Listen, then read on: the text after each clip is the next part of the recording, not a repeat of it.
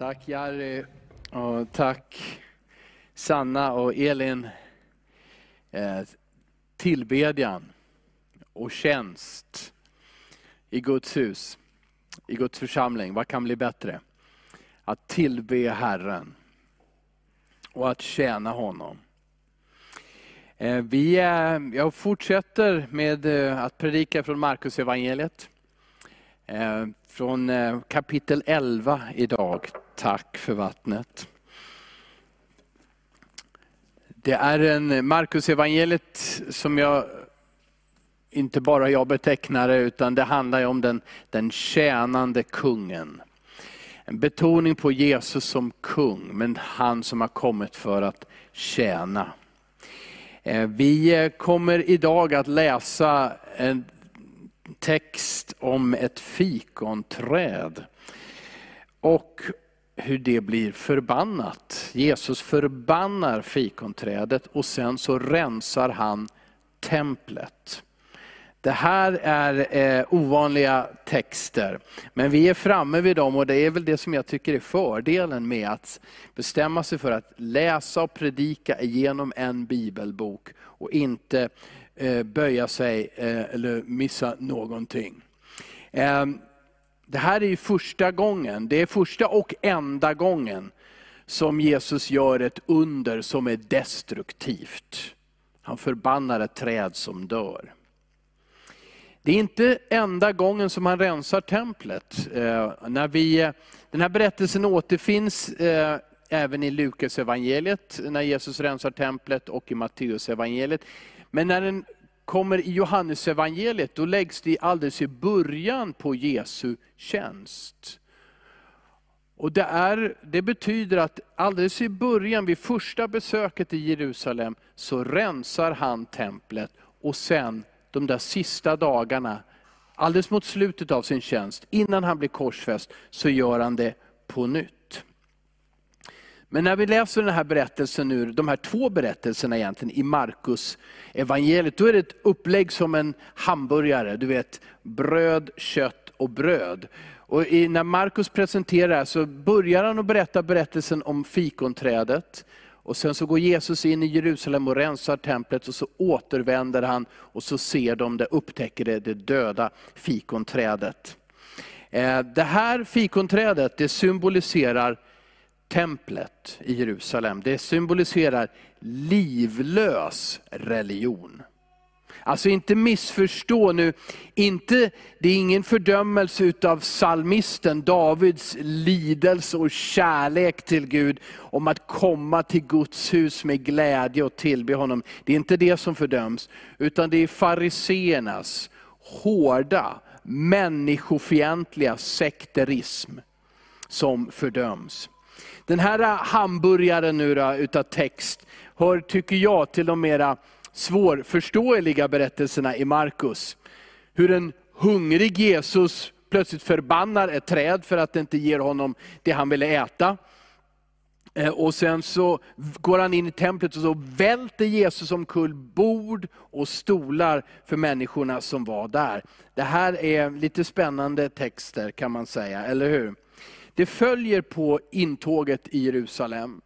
Dagen innan har Jesus ridit in på en åsna i Jerusalem. Och de som är uppmärksamma märker att jag predikade inte om det förra söndagen, utan jag har hoppat över den texten för att jag på så många palmsöndagar, ibland även på första advent, har predikat just den texten. Tycker att jag har sagt det som jag kan säga om den. Och därför så har jag hoppat över den.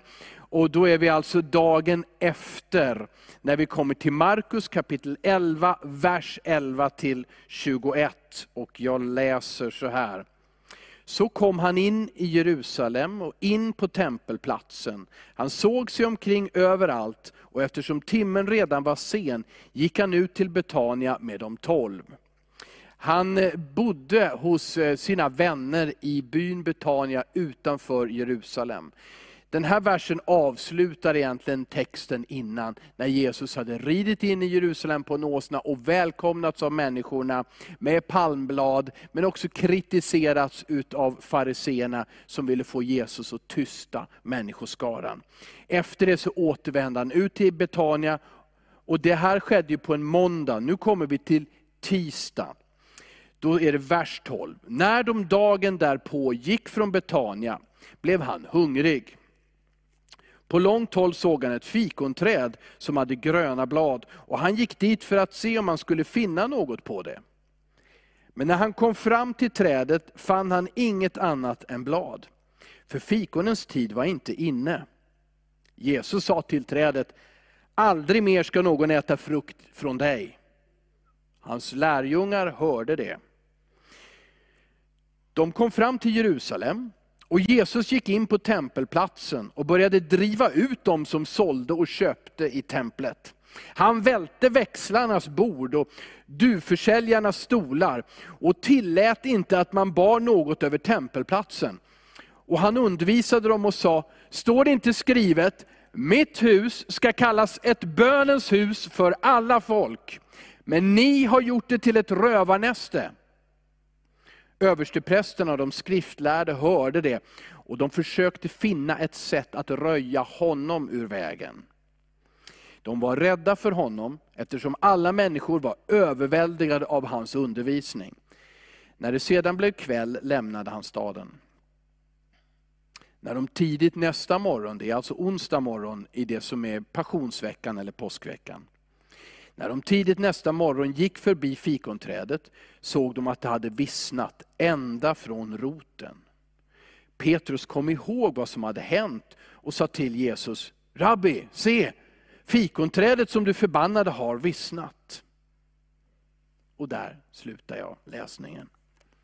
Fader i himlen, jag ber att ditt ord ska tala till oss. Att du ska tala till oss genom ditt ord. Vi ber att detta sker med den heliga Andes hjälp. Lys upp våra hjärtan. Ge oss kunskap och förvandla oss och gör oss mer lik dig. Vi ber till dig i Jesu namn. Amen. Amen. Så under en knapp veckas tid så bor Jesus hos sina vänner, bästa vänner, Maria och Marta och Lazarus som han har uppväckt från de döda, i Betania. Han, det står att han kom in vägen in i Jerusalem via Betfage och Betania. Och ehm, då går han egentligen in och ut dag för dag i Jerusalem och alltid till tempelplatsen. Och Det här gör han fram tills man tar fast honom, fängslar honom, torterar honom och korsfäster honom utanför Jerusalems portar. Det är utom allt tvivel att den här bilden, eller fikonträdet, är en bild på templet. Det är plats, templet var ju platsen där Gud ville bo. Där han ville uppenbara sig för sitt folk och där han ville bli tillbedd. Men i Jesu dagar så stod templet för en livlös religion hyckleri och förtryck av människorna. Och det här skedde genom ledarskapet. Genom ett religiöst och korrumperat ledarskap som vilseledde folket. Vi tittar lite grann bara på templets historia. Det här är ju templet i Jerusalem. Det står inget tempel där nu, men vi hör om tempelplatsen. Där byggdes på 700-talet en moské på den platsen. Eh, och då är det så här, den här överblicken den går väldigt fort nu, för den börjar med 2000 före Kristus med Abraham.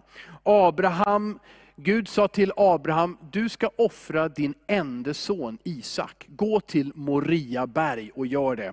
Känner ni igen berättelsen så när Abraham väl är uppe på berget så säger Gud, nej nej nej, offra inte din son, men jag ville se din villighet att göra det. Och sen så gav han eh, Abraham en, en bock istället som han offrade.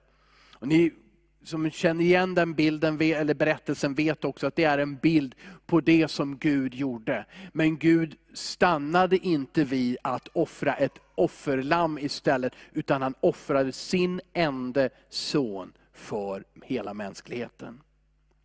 Det här var på Moriaberg. Ungefär 1000 år ursäkta, 1000 år senare, så köper kung David den platsen, det är då en tröskplats, från en man som hette Ornan. Och I april 966 f.Kr. så börjar Salomo att bygga templet, det första templet, på den plats där Abraham kom för att offra sin son, men istället offrade en bock. Och I det templet så offrade sedan judarna djur för att, för, som brännoffer, som syndoffer, på olika sätt för att försonas med Gud och försona sin synd. Det här skedde i templet. Det här templet som Salomo byggde, som var oerhört vackert. Det var fyllt med guld och andra ädla metaller. Så det templet förstördes totalt utav babylonerna, babylonerna 586 före Kristus. I augusti 586, eller 87 om vi ska rätta till det där lite grann. Eh, så blev det plundrat och förstört. Varför? Jo, för Guds dom föll över livlös religion. Över tomma riter. Över ett ledarskap, präster, herdar, profeter som profeterade falskt i Guds namn. Och Guds dom föll över templet. Efter 70 år, precis som Gud hade lovat, så fördes folket tillbaka. Och under Esra och andra så byggdes ett nytt tempel. Det var betydligt enklare, men det byggdes upp igen efter 70 år. Ett par århundraden senare så kom det en, en general som hette Antiochus. Och han ställde in i templet en, en avgud, Jupiter, en romersk gud. Han slaktade grisar i templet och skvätte deras blod in i templet. Han hädade och vanhelgade där. Och det här berättas om i Makabeerböckerna, Judas Makabeus. Det skedde en revolution, en typ av väckelse också. Eh, men, men det här det skändades, det här templet. Och sen 20 år före Kristi födelse så tillträder en kung. Han var inte jude, han var idome, heter det. Han hette Herodes, blev senare kallad Herodes den senare. Han älskade att bygga och han började bygga ett nytt tempel. Han tog det här andra templet och byggde ut det och gjorde i princip ett tredje tempel av det. Och det var, en, det var enormt stort, det var mycket, mycket större än det ursprungliga templet. Herodes var en byggare, han ville göra sig ett namn. Han byggde städer, han byggde myndighetsbyggnader och han byggde på templet. Och det avslutades först efter hans död. Och efter Jesu död, år 64 efter Kristus, stod det templet färdigt. Det stod färdigt i sex år, sen kom romarna och jämnade det med marken igen. De plundrade och de jämnade det med marken. Och berättelsen om templet genom historien, det är en berättelse om Guds trofasthet, men också om Israels otrohet, om falsk religion, om ytlighet och om Guds dom över allt sånt. Gud ger nåd till människor, till syndare. Men Gud dömer hyckleri och hycklare. Och templets berättelse, det är den pekar på människors otrohet emot Gud. Idag finns det inget tempel, kommer det att finnas ett tempel? Ja, alltså enligt Daniels bok kapitel 9, vers 27, så kommer det än en gång att ske en styggelse liknande den som skedde när Antiochus skändade templet. Så det kommer alltså att byggas ett tempel, ett fjärde tempel, det görs ett nytt mänskligt försök. Men sen, i tidens slut, då kommer det ett femte tempel och det kommer ifrån himlen. Det står om det i Hesekiel kapitel 43, under det som kallas för tusenårsriket, det som Uppenbarelseboken talar om, om det nya Jerusalem. Där Gud, Gud själv bygger ett tempel, en boning för sig. Här är vi nu då, då i Markus 11.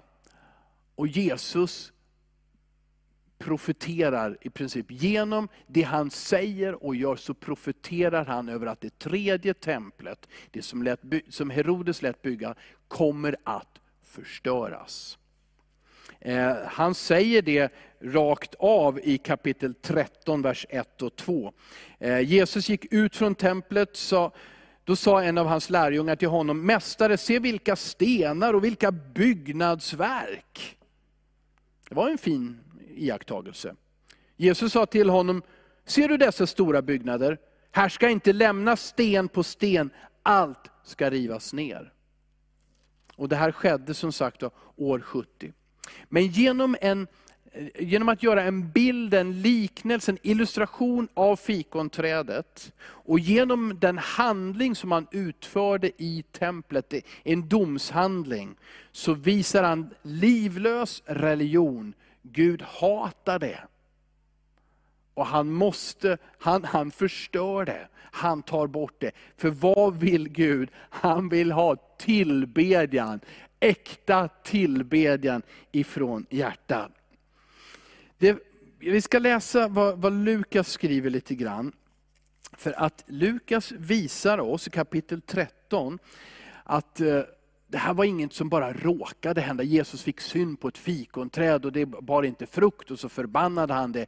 Utan han hade tidigare berättat en liknelse just om detta. Om man läser Lukas 13, eh, vers 6 så står det, Sen berättade Jesus denna liknelse. En man hade ett fikonträd planterat i sin vingård. Han kom och letade efter frukt på det, men han fann ingen. Då sa han till trädgårdsmästaren, i tre år har jag nu kommit och letat efter frukt på det här fikonträdet, men jag hittar ingen. Hugg bort det, varför ska det få suga ut jorden? Men trädgårdsmästaren svarade, Herre låt det stå kvar även i år, tills jag har grävt runt det och gödslat. Kanske bär det frukt nästa år. Om inte kan du hugga bort det. Jesus tjänade i tre år. Från början så kom han, i början av sin tjänst så kom han till templet, han rensade och sa det här ska vara ett Guds hus, ett bönens hus. Efter tre år återvänder han och gör samma sak. Fikonträdet är en symbol på templet.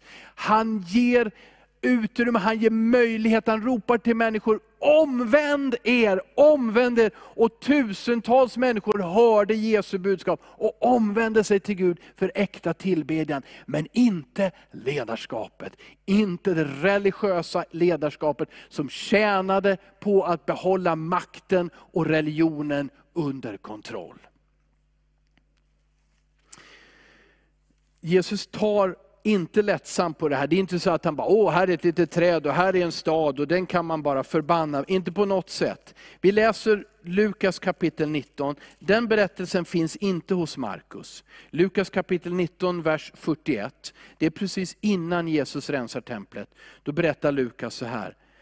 När Jesus kom närmare och såg staden, grät han över den och sa, Tänk om du idag hade förstått, också du, vad som ger dig frid. Men nu är det dolt för dina ögon. Dagar ska drabba dig då dina fiender bygger en belägringsvall runt dig och omringar och pressar dig från alla håll. De ska slå dig och dina barn i dig till marken och inte lämna sten på sten i dig. Därför att du inte förstod den tid då Herren besökte dig. Jesus grät. Han bad för Jerusalem och människor att de skulle vakna. Men han avslutar med orden, du förstod inte den tid då Herren besökte dig. Och innan vi läser verserna i Markus evangeliet och ut, lägger ut dem, så måste jag bara få säga detta, detta är också för oss personligen. Förstår du den tid som du har och lever i? Om du är med i en gudstjänst som denna, om du lyssnar till Guds ord, tar du det till hjärtat? Förstår du den tid som vi lever i? Att Gud dömer livlös religion. att Gud hatar livlös religion. Men att han vill ha hjärtats tillbedjan. Ett hjärta som har renats av Jesu blod, som har fyllts av Guds heliga Ande och som älskar Gud och älskar hans skapelse, sin nästa som sig själv. Det är det som Jesus blöder för, det är det som han gråter för, det är det som han predikar för. Det finns en kärleksfull inbjudan till Guds nåd, men det finns också en klar varning om Guds dom över allt ytligt över allt som är hyckleri. Här ska jag citera, jag fick ett sms på morgonen. Och det var inte jag som ursprungligen fick det smset. Utan det var min syster som fick det. Hon fick det av en evangelist som hette Kurt Levin. Eh, och Kurt Levin han, han arbetar framförallt mycket i Skåne, jag älskar honom. Eh, många älskar honom verkligen. Han, han var i 70-årsåldern här nu och han avled väldigt överraskande i vintras. Eh, han skickade ett sms till min syster, det här var det sista sms som hon har från honom innan han, om jag minns rätt nu så var det en hjärtattack. Så skrev han så här, och det här är ju ett budskap ifrån Gud. Menar du allvar med din överlåtelse till mig. Han skriver alltså inte överlåtelse till Kurt, utan det är med Guds röst. Menar du allvar med din överlåtelse till Gud? Tillåter du och jag ytlig religion? Rörelsen av att vara, skenet av att vara from, religiös, bedjande, tro på Guds makt. Men inuti så är det tomt och har egentligen bara med tradition att göra. Kurts fråga var, menar du allvar med din överlåtelse till mig? Jag ska ställa den frågan till mig själv och till er alla när jag avslutar predikan också. Men nu tittar vi lite grann här på verserna. När de dag, då läser jag igen från Markus 11, vers 12. När de dagen därpå gick från Betania blev han hungrig. Så Jesus blir hungrig och så står det på långt håll så såg han ett fikonträd som hade gröna blad. Stryk under här, på långt håll. På långt håll så såg det bra ut. Åh, gröna blad, då måste det ju finnas frukt också. Nu står det ju här då, då eh, skriver ju Markus någonting som han väl tänker, det här borde ju Jesus också fatta. Eh, att det var, inte, det var inte tid för fikonen än. Så varför tror Jesus att det finns fikon på det där trädet? Ja men okej, det här är i mars månad. Eh, det finns två stycken skördeperioder eh, egentligen för fikon. En, en, en förskörd, en tidig skörd i juni, men sen framförallt i augusti till oktober. Så det skulle inte finnas, han skulle inte förvänta sig att det kunde finnas några fikon på det här trädet. Men innan bladen kommer, så kommer alltid knopparna och det som man kan kalla för kart. Okay? Det, är, det smakar inte gott, men det är ätbart. Så fanns det blad så borde det ha funnits dessa kart på trädet. Någonting som man också tog av träden och åt. Och det fanns det inte. Och finns det inga kart, då betyder det att när skörden är inne så finns det inte heller någon frukt. På långt håll så såg det ut som ett liv livgivande, grönskande träd. Men när man kom nära och undersökte så fanns det ingen frukt på trädet. Religion kan se fint ut på långt håll. När vi tittar på andra, när andra tittar på oss. Så kan det se ut som, ja men det där är, det där är fint. Men när man kommer nära och märker, det finns ingen frukt. Precis så är det med livlös religion. Den ger inte den frukt. Den är inte ett liv som ger liv till andra människor. Det är din och min kallelse att tillbe att älska Herren och älska vår nästa som oss själva. Det är frukten, kärleken till andra människor. Men när man kommer nära och märker, här finns ingen kärlek. Det är bara ett utanpåverk. Då varnar Gud oss. Väldigt allvarligt här. Det fanns inget annat än gröna blad på det här trädet. Det var ett, gav ett falskt hopp. En religion som bjuder in, se här, här är det bra, här, här händer saker. Det flyter på, det finns liv, det är häftigt. Men det finns ingen frukt. Det är ett falskt hopp. Att ge människor ett falskt hopp, då är det nog bättre att inte säga någonting alls. Så det här fikonträdet är en illustration på, på templet och på den organiserade religionen. Jesus sa, aldrig mer ska någon äta frukt från dig. Men som vi läste i Lukas, tid gavs för omvändelse då och tid ges till omvändelse nu. Gud, Jesus kallar på oss, han kallade på dem, han kallar på oss. Omvänd er, lämna det som är ytligt. Se upp med det, håll er borta ifrån det. Se till att din tillbedjan är sann och äkta, genuin. Att du förnyas i kärleken dag för dag till din Herre. Och du ser det genom kärleken till din omgivning. Ta det på allvar. Hur ser det ut med din överlåtelse till Herren? De trodde, lärjungarna trodde att Jesus kom till Jerusalem för att nu skulle han driva ut romarna. Och nu skulle han upprätta Israel, upphöja Israel. Och istället så kommer Jesus med domsord över det här trädet som är templet och på själva tempelplatsen.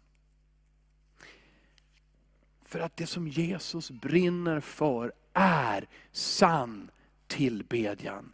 Låt mig gå och bara läsa en vers, Johannes 4 och 23. Johannes 4 och 23, då säger Jesus till en kvinna vid Sykars brunn. Det kommer en tid, och den är redan här, när sanna tillbedjare ska tillbe Fadern i ande och sanning. Sådana tillbedjare vill Fadern ha. Kvinnan ville föra Jesus in på en diskussion som var gammal och där man alltid körde fast. Ska vi tillbe Gud på ert berg i Jerusalem, Moria berg, eller ska vi tillbe Gud här i Samarien på vårt berg?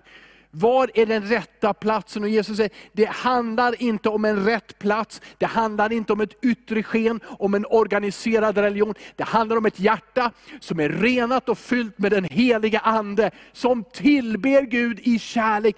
Den tiden är redan här och det sker nu och det är det Jesus kallar alla människor till. Om man inte hade älskat Jerusalem, då hade han väl gjort som de flesta av oss, äh, vi går till ett annat ställe istället. Eller hur?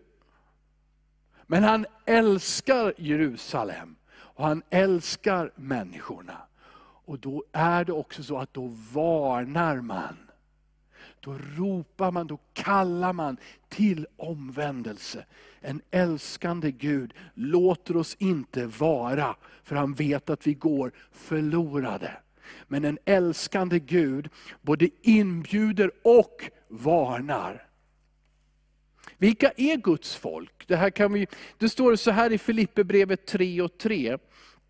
Att vi är det är vi som är de omskurna. Och då, och då, har han, då kan man läsa Romarbrevet 2, men det gör vi inte nu. Men där, där står det att jude är inte den som är omskuren till det yttre, utan som har fått sitt hjärta omskuret genom Guds ande. Och så säger han, vi, församlingen, Jesu församling är de omskurna, alltså är Guds folk, Guds barn. Vi som tjänar genom Guds ande vi som tjänar, och ordet tjäna är också att tillbe. Vi som tillber genom Guds ande, vi som ger ära åt Kristus, eller vi gläder oss i Kristus. Och inte förlitar oss på det yttre, står det i Filipperbrevet 3 och 3. Där har du en definition av församlingen, av lärjungaskap, vad Jesus vill. Att vårt hjärta hjärta är förvandlat, omskuret. Att vi tillber honom genom den heliga Ande. Att vi ger all ära åt Jesus Kristus som har dött på korset för oss. Och att vi inte förlitar oss på det yttre, varken religion eller i dessa dagar där vi inte är speciellt religiösa i Sverige, så handlar det mycket om oss själva, vår egen fysiska kraft. Vi tränar våra kroppar till en extrem. Det är helt osannolikt hur mycket människor lägger tid och pengar på att träna sina kroppar till att vara vackra och starka idag. Det är helt osannolikt vad det är för våg vi har. Vi har bytt ut religionen, de traditionella religionerna mot en ny religion och den utövas på gymmen. Och den utövas med en extrem sport. Och på många andra sätt. Naturligtvis, det som vi alltid har gjort som människor. Skaffa oss mycket pengar, skaffa oss mycket inflytande, skaffa oss mycket popularitet, skaffa oss mycket kärlek. Det är en ytlig liv, en ytlig religion som inte ger liv. Jesus lägger fokus på tillbedjan, på din och min relation till vår skapare, till Gud. Templet som Jesus besökte var korrumperat på grund av ledarna. De religiösa, saduceerna, fariseerna, de skriftlärda. De vilseledde ett helt folk. Ledarskapet drog dom över nationen. Bibeln varnar, Bibeln varnar oss för att ta lätt på ledarskap. Den uppmuntrar oss å ena sidan att tjäna Gud, och det är en gåva att leda. Men med ett falskt hjärta så, så, så varnar Gud oss för att göra det av egoistiska skäl. Bibeln uppmanar också väldigt konkret hela församlingen, be för era ledare, då går det bra för er, säger Hebreerbrevet. Så ta inte lätt på att ställa dig i mitten som en ledare och lärare, en undervisare av andra. Och be för dem som är dina och mina ledare. John MacArthur sagt så här. Bedöm inte ett land efter dess ekonomi, hur god den är. Bedöm inte ett land efter det sociala rättvisa, hur mycket ordning de har skapat där och eh, jämlikhet. Bedöm inte ett land efter dess försvarsstyrka. Bedöm ett land efter dess tillbedjan. Tar du det på allvar, att det är Gud som skriver historia? Tar jag det på allvar? Ja, det är politiker. Vi måste ordna det här politiskt. Vi måste, genom sociala reformer, genom att arbeta mer, tjäna mer pengar, genom att bygga upp en stark försvarsindustri och militär, så kan vi visa att vi är starka. Vi är jämlika, vi är starka, vi är ekonomiskt oberoende, alltså mår vi bra. Men Jesus dömer ut detta totalt och säger, livlös religion. Makt och pengar, popularitet är inte det som Gud vill ha. Det är inte så ett land bedöms. Utan det är efter, finns det människor som tillber den levande guden? Finns det människor som lever sina liv i respekt, i fruktan, i kärlek till honom som har skapat alla, gett sitt liv på korset för alla och som ger nåd till alla som kommer till honom. Det handlar om honom och han arbetar främst igenom sin församling. Förstår ni vilket uppdrag vi har? Det står i Timoteusbrevet att vi ska be för ledarskapet i vårt land. För kungar och de som regerar. Hur, jag ställer frågan, och det är väl taskigt att jag gör det, men jag ställer, hur ofta gör du det? Hur ofta, gör, hur ofta gör jag det? Hur ofta gör vi det som församling?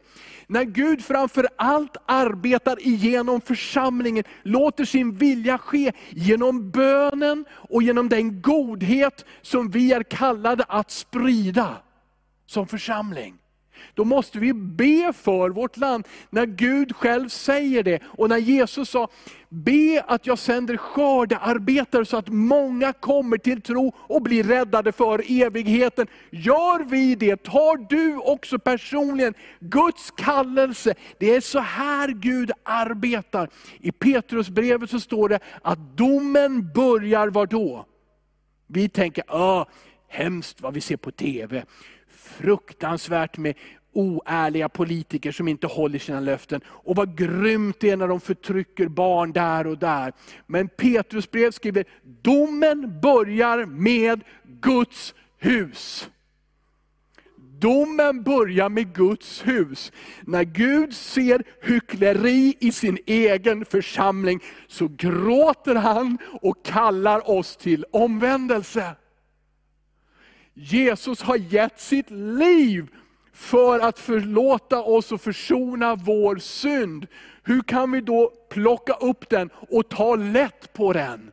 När han säger, låt det inte bli livlös religion. Vi har sett det i historien, han gjorde slut på det ena Salomos tempel, så vackert, så fantastiskt, och de fördes bort i fångenskap. Han gjorde slut på det tempel som Jesus gick till, där Jesus predikade, där den första församlingen möttes. År 70 jämnades det med marken. Och han gör slut på alla mänskliga försök att bygga en byggnad som på något mänskligt sätt ska ge sken av att det här är Gud och Gud välsignar det här. Gud välsignar bara det som kommer ifrån honom. Vi behöver hur, hur ska vi omvända oss? Vi behöver ha en finkänslighet. Jesus lär oss ju att bön handlar inte om en massa, massa ord. Utan om ett hjärtats bön och lyssnande. Att lyssna till Jesus. Att låta honom också säga, jag älskar dig och nu ska jag fixa det här. Jag älskar det här hos dig. Nu ska vi lägga till rätta det här. Ska du göra dig av med den ovanan. Nu ska du inte bara sitta av en gudstjänst. Utan nu ska du komma och tillbe Fadern. Ge ditt hjärta. Det här, man säger att jag raljerar ibland. Men vilken nytta har du av att kritisera predikantens kavaj? Och den går ju att byta ut. Eller sångvalet. Eller färgen på bänkarna, och jag skulle gärna kanske faktiskt byta dem. Men vilken nytta har vi utav det, att älta sådant fram och tillbaka? När Gud dag för dag önskar din kärlek så att han får välsigna dig. Så att du får leva ett liv i frihet.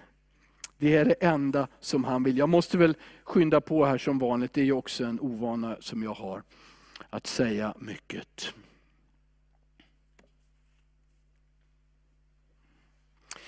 Jag måste ju kommentera ändå eh, tempel, vad som skedde på tempelplatsen. De kom fram till Jerusalem, Jesus gick in på tempelplatsen, började driva ut dem som sålde och köpte i templet. Var var det här? Gick han in i själva templet? Nej, det gjorde han inte. Templet bestod av en, en, stor byggnad i mitten, men sen utav förgårdar med ofta små murar som, som avskilde olika grupper från varandra. Allra närmast templet så fanns prästerna som offrade alla djuren. Eh, och, och sen så inne i templet, det var bara översteprästen som fick gå in i själva det allra heligaste, i det inre rummet i templet, en gång om året. Det fanns ett förrum och där fick präster gå in dagligen för att, för att också be till Gud. Men så det var den första gården, där var prästerna. Sen kom en plats där fick männen vara, de judiska männen. Sen fanns en plats där fick de judiska kvinnorna vara. Där var också skattkistan. Kommer ihåg en berättelse om en, en änka som gav allting när Jesus satt vid skattkistan. Och sen så fanns det ytterligare en förgård och den var jättestor. Och den kallade vi för hedningarnas förgård. Och det var dit Jesus gick. Det var dit han gick. Och där, var det, där hände det mycket och det hände för mycket.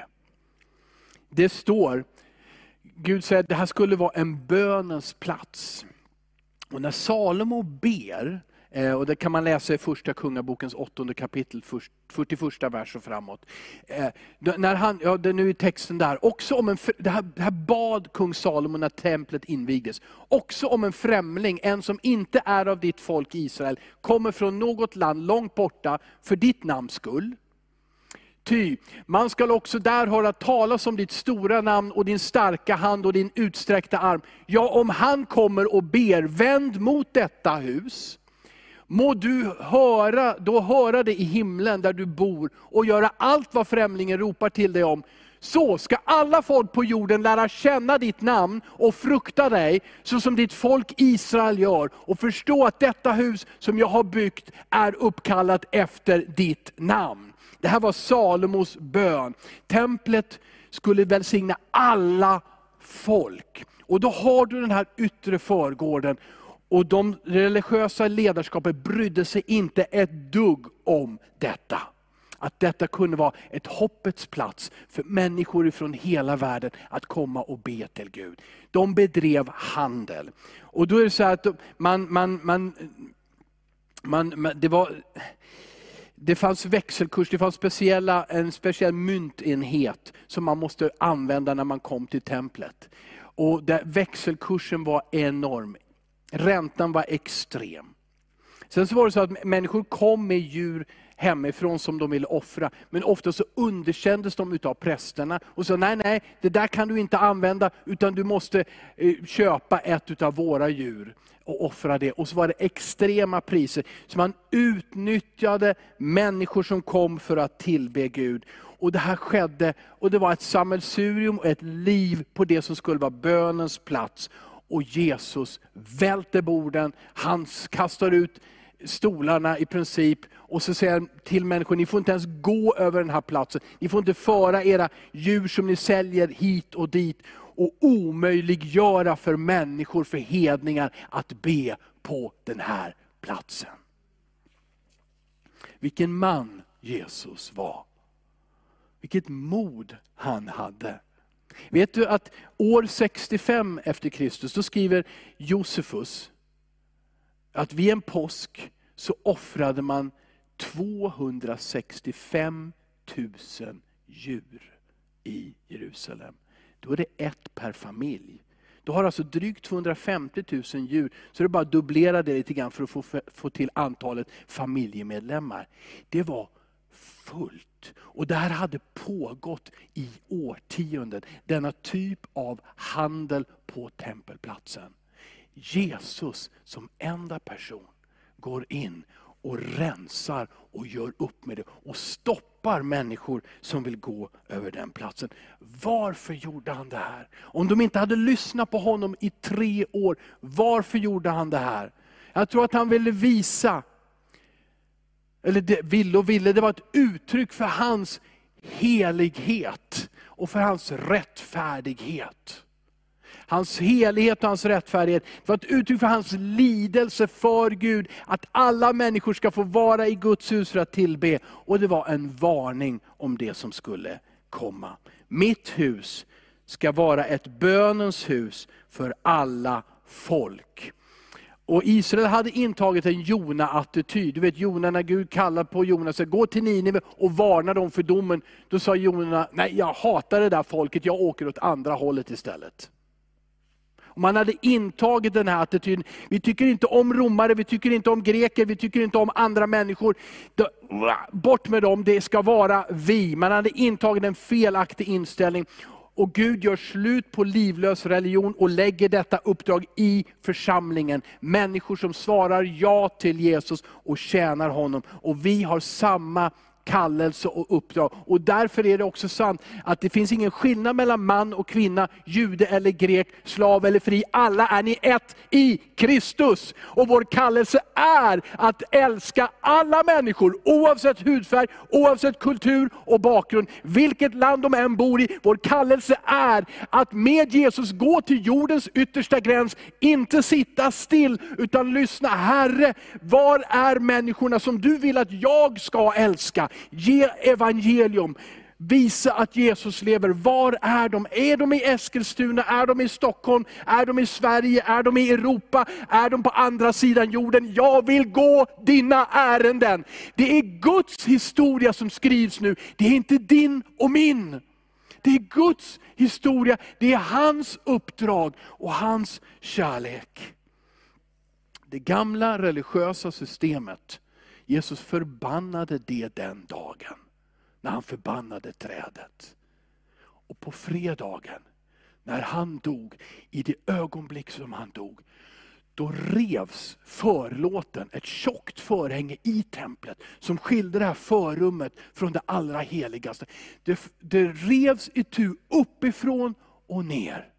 Två saker skedde. Gud dömde ut den organiserade religionen som ser bra ut på utsidan men är tom på insidan. Och någonting annat hände. Han öppnade dörren till det allra heligaste för alla människor att tillbe Gud i ande och i sanning. Genom Jesus. Sann tillbedjan är möjlig, men bara vid korset. Sann tillbedjan har ingenting med regler, med det yttre att göra. Det har allt att göra med Jesu kors, där han dog för dig, och för dig, och för dig, och för mig, och för alla människor. Där han som var helig och ren, tog all smuts och synd på sig. All förbannelse på sig och den spikades på korset. För att genom Kristus har all förbannelse brutits för att vi ska ha liv. Genom Jesu död på korset har all synd förlåtits och vi har blivit försonade med Gud. Livlös religion ser frisk ut på långt håll. Men när vi kommer nära så märker vi att livlös religion producerar ingen frukt, ingen kärlek. Livlös religion blir istället en hägn för det som Gud avskyr och vill utplåna. Sann tillbedjan börjar och stannar vid korset. Kurt Levin skrev det här smset och jag påminner om, än en gång om det. Menar du allvar med din överlåtelse till mig?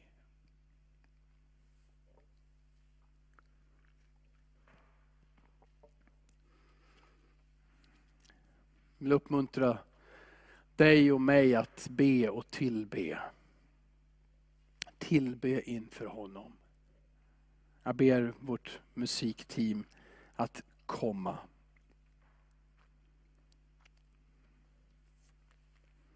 Låt mig be.